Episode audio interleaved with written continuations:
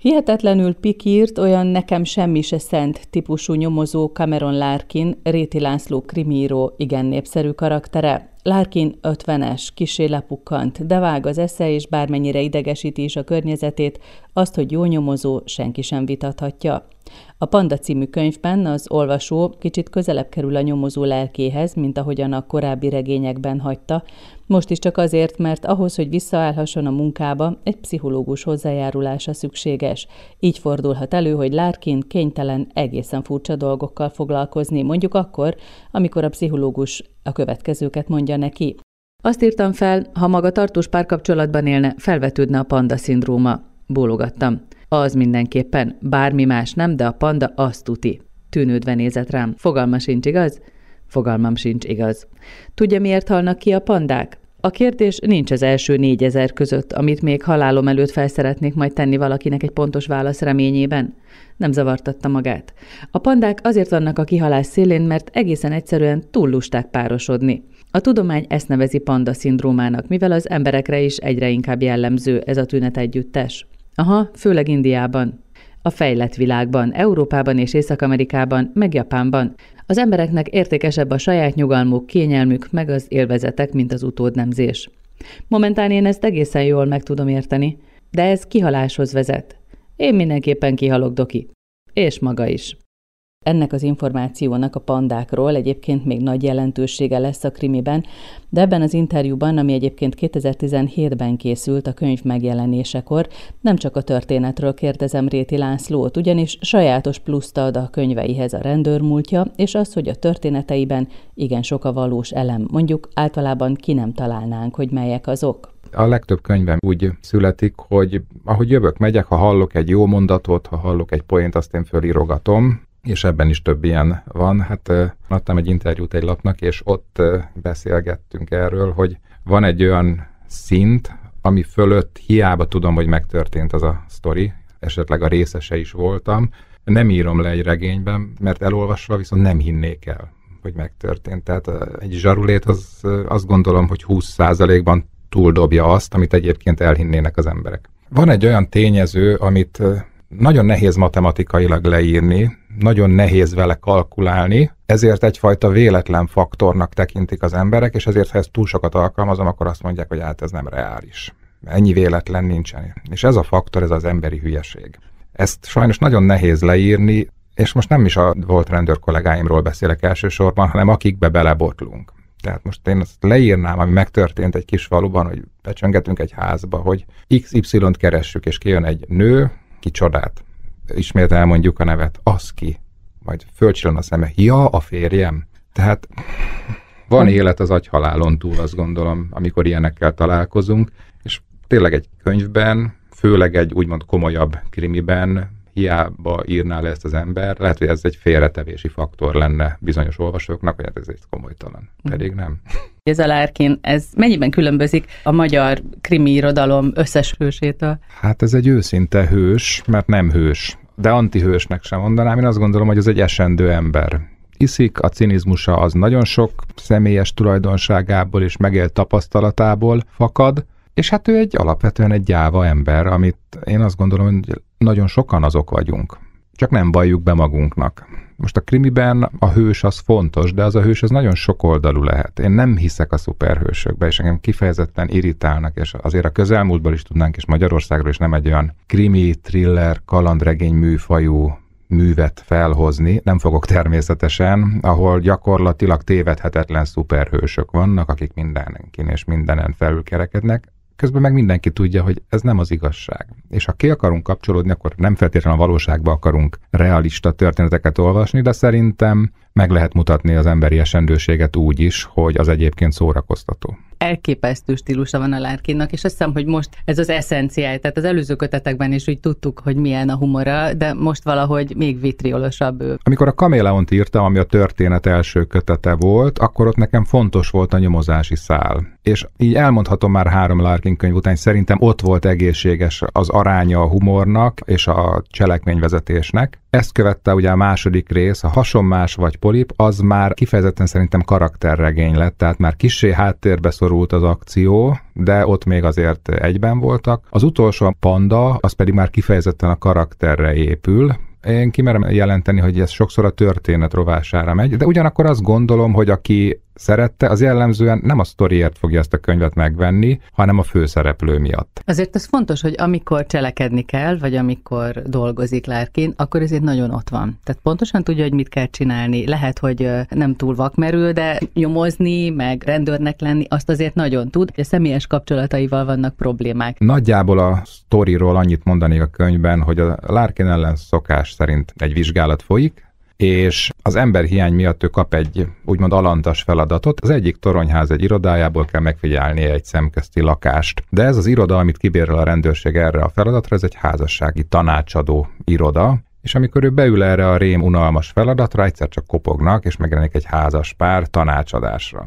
Ő pedig rettenetesen unatkozik, és úgy gondolja, hogy miért ne játszhatná el a házassági tanácsadó szerepét, úgy, hogy közben minden erre irányuló tapasztalata az egyébként csak abból ered, hogy az ellene folyó vizsgálatban egy pszichológussal beszélget, tehát kb. ennyi a háttere. Azt gondolom, hogy ebből egy-két elég érdekes szituáció fakad a könyvben. Ez ugye a pszichológus ugye azt firtatja, hogy miért nincsenek neki párkapcsolatai, miért nem maradnak meg a nők mellette, meg egyáltalán egy barátja sincs talán. Szóval, hogy ezt, amit itt felszív a pszichológussal való beszélgetésben, azt ő továbbadja. Igen, ez azért nehéz, mert amit kapok most már visszajelzéseket erről a könyvről, meg a megelőző kettőről, és ott is az van, nagyon szórakoztató, de otthonra nem kéne. És én ezt abszolút megértem, mert már a hasonmásnál is úgy jártunk, hogy a legjobb barátaim a feleségemnek gratuláltak először, hogy elolvasták, nagyon jó volt, de csoda, hogy te ezt az embert kibírtad, amíg elkészült, mert annyira megismernek, hogy ez egy egyes szám első személyben íródó könyv. Ebbe sajnos óhatatlanul jobban beleéli magát az ember, hiszen a főhős szemén keresztül látjuk a sztorit, ráadásul ez is egy 6-8 hét alatt elkészült már maga a regénynek a megírása, nyilván az adatgyűjtés és a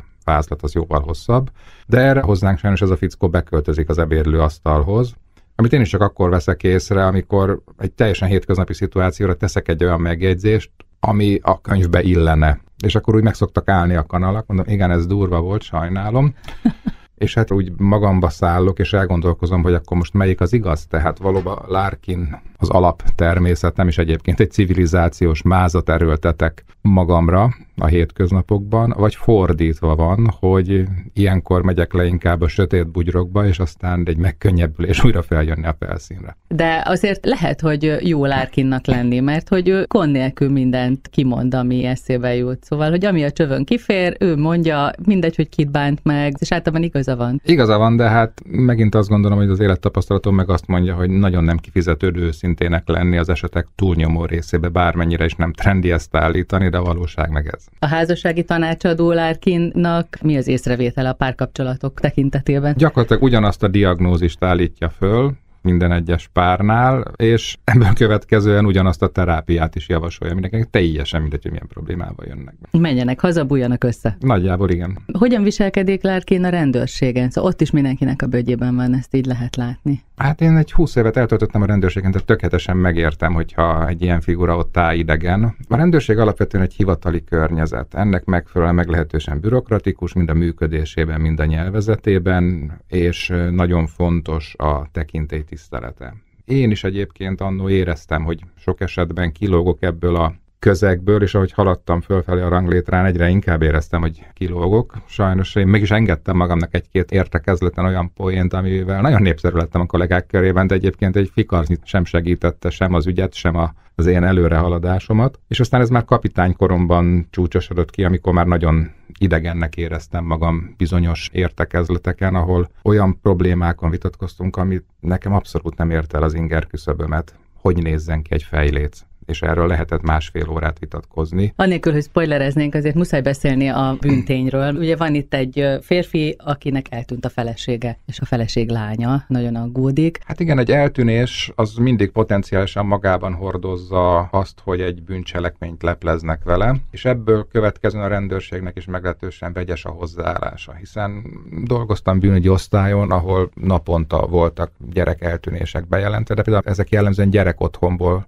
tehát ott nem tud más tenni az intézményvezető, mint hogy bejelenti, hogy eltűnt. A rendőrség meg nem fogja tudni, hiába mondják, tehát nem tudjuk ezt száz százalékig minden esetben komolyan venni, mert amikor XY Jennifer már nyolcadszor tűnt el abban a hónapban, pontosan tudjuk, hogy megint hazament a szüleihez, akitől elhozták. De ez azért veszélyes, mert százból egy, ezerből egy viszont tényleges eltűnés, és tényleg szükség lenne arra, hogy teljes erőbedobással és utána menjenek és ezekből lesznek adott esetben azok a bűncselekmények, emberrablások, prostitúcióra, kényszerítés, vagy éppen emberülés, ami meg a BTK-ban a legsúlyosabbak közé esik. Tehát nagyon nehéz itt balanszírozni, hogy mi az, amit komolyan vegyek. Itt is egy ilyen esetről van szó, és hát egy ilyen jellemnek, vagy egy ilyen jellemtelennek, mint Larkin, nem kívánt részt törlendő. Nehéz ez a dilemma, mert ő nyilván nem veszi ezt komolyan, tehát a város egyik gazdag emberének eltűnt a felesége, és az első házasságból származó lány bejelentette, hogy eltűnt. Ő ezt annyira nem veszi komolyan, plusz magával is vívnia kell, hiszen megkapta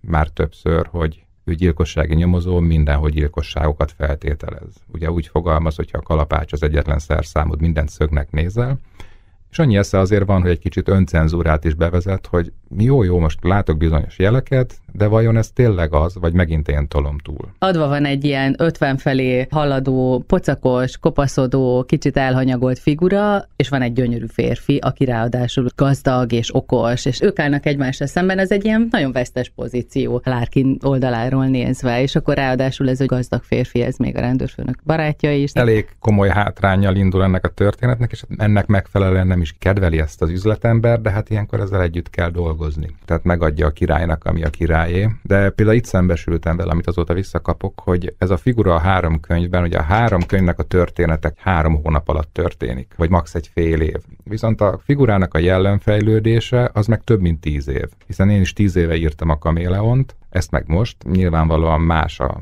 hozzáállás, és egyébként ezt a mélyebben olvasóktól meg is kaptam, hogy többet moralizál egy kicsit, már mintha mintha oda is figyelne néhány emberre, jellemzően a kolléganőjére, hogy ne bántsa meg annyira ok nélkül. Persze ez nem sikerül neki maradéktalanul, sőt, szinte sehogy. Jó, hogy említi Fionát, ez a kolléganő, aki ott van mellette, ez olyan hozzá, mint anya hülye gyerekéhez, tehát tényleg ilyen iszonyan odaadóan bánik vele. Bár és önös érdekben ezt tegyük igen, hozzá. de miért? Hát azért, mert összesodorta őket az élet egy közös nyomozásra, és Lárkinnak a hülyeségei mindig óhatatlanul kihatnak egy partnerre. Tehát ha a társam csinál egy baromságot, akkor azért engem is elővesznek. Egyrészt, hogy miért nem láttam előre, miért nem akadályoztam meg, és mennyire voltam esetleg benne. Tehát ilyenkor mindenki magára ránt egy vizsgálatot, és hát ez nyilvánvalóan a hölgynek nem hiányzik.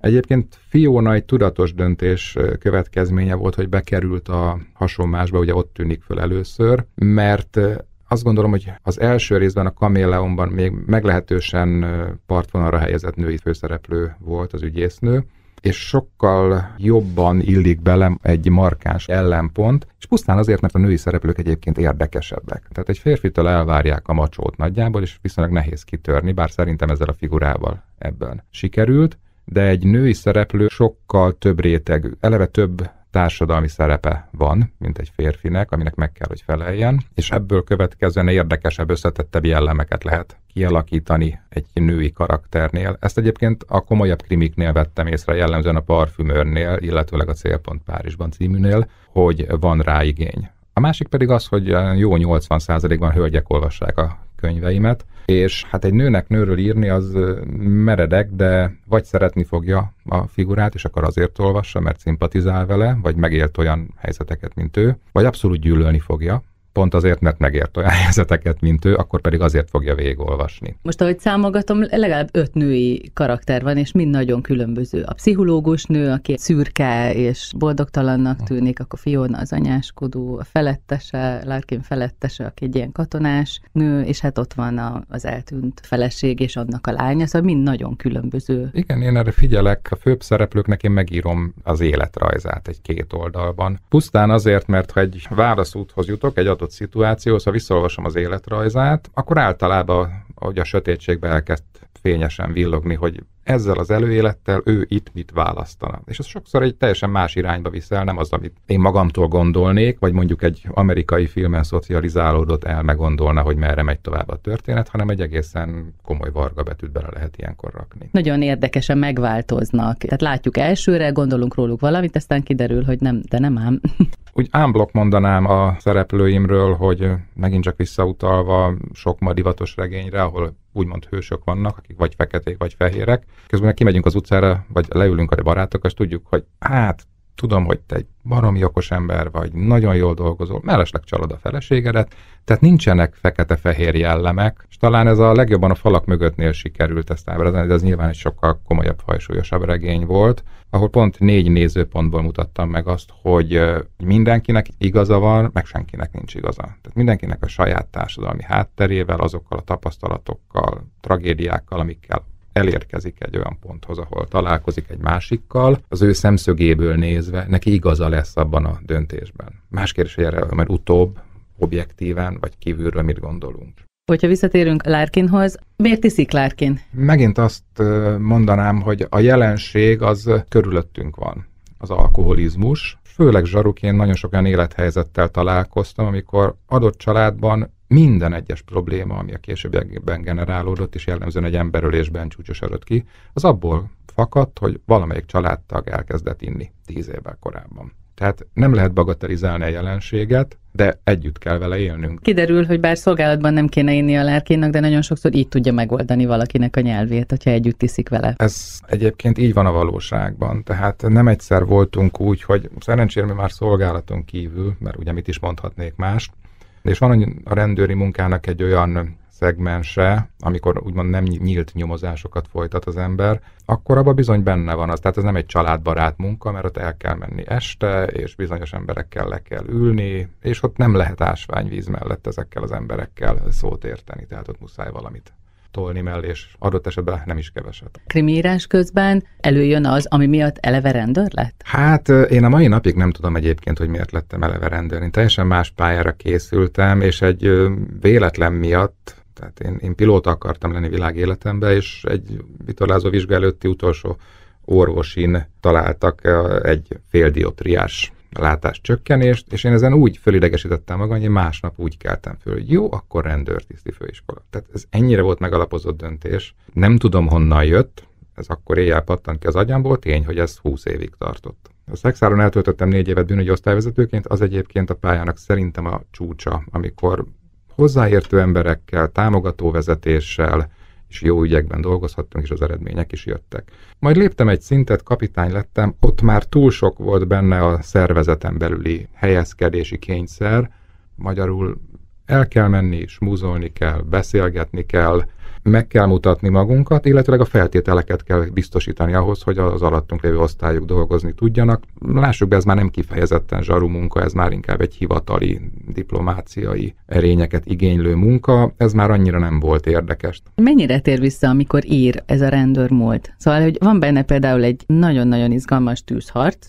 és az ember azt gondolja, hogy ha valaki olyan írja, aki nem volt rendőr, az egészen más, mint hogyha valaki belülről ismeri ezeket a helyzeteket. Hozzá kell tenni, hogy azért Magyarországon vagyunk, tehát nem jellemző a tűzharc. Nekem a 20 év alatt kétszer kellett elővenni a fegyvert, és egyszer kellett csőre tölteni, és szerencsére nem kellett elsütni. De pontosan ezért tudom, hogy ilyenkor mennyire csőlátása van az embernek, mennyire remeg a gyomor, mennyire nem hősként reagálunk. És amikor olyan szituációs lőgyakorlaton vettünk részt, ahol ezt modellezték, tényleg fegyverekkel, és utána ezt visszanézették velünk videón, úgyhogy közben rajtunk volt a pulzusunkat mérő műszer, ami kiírta, hogy például az adott szituációban, amikor lőttünk, akkor 220-230 volt a szívverés. Tehát nem a vérnyomás, hanem a szívverésnek a száma. És megkérdezték, hogy volt-e valaki olyan a tűzmezőben, aki ártatlan volt. Mondom, nem, nem volt ott senki. Akkor nézzük vissza a videón. És látom a videón, hogy egy járók előtt játszó kollega keresztbe megy előttünk. És abban a szituációban itt észleltem, mert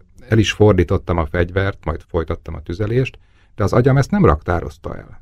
Tehát annyira beszűkül ennél a pulzus számnál a tudat, Ez persze trenírozható, tehát mondjuk a technek a munkatársai, akik ezzel naponta találkoznak gyakorlatokon, ők ezt tudják kezelni, de egy átlag és pláne egy átlagember biztos, hogy nem.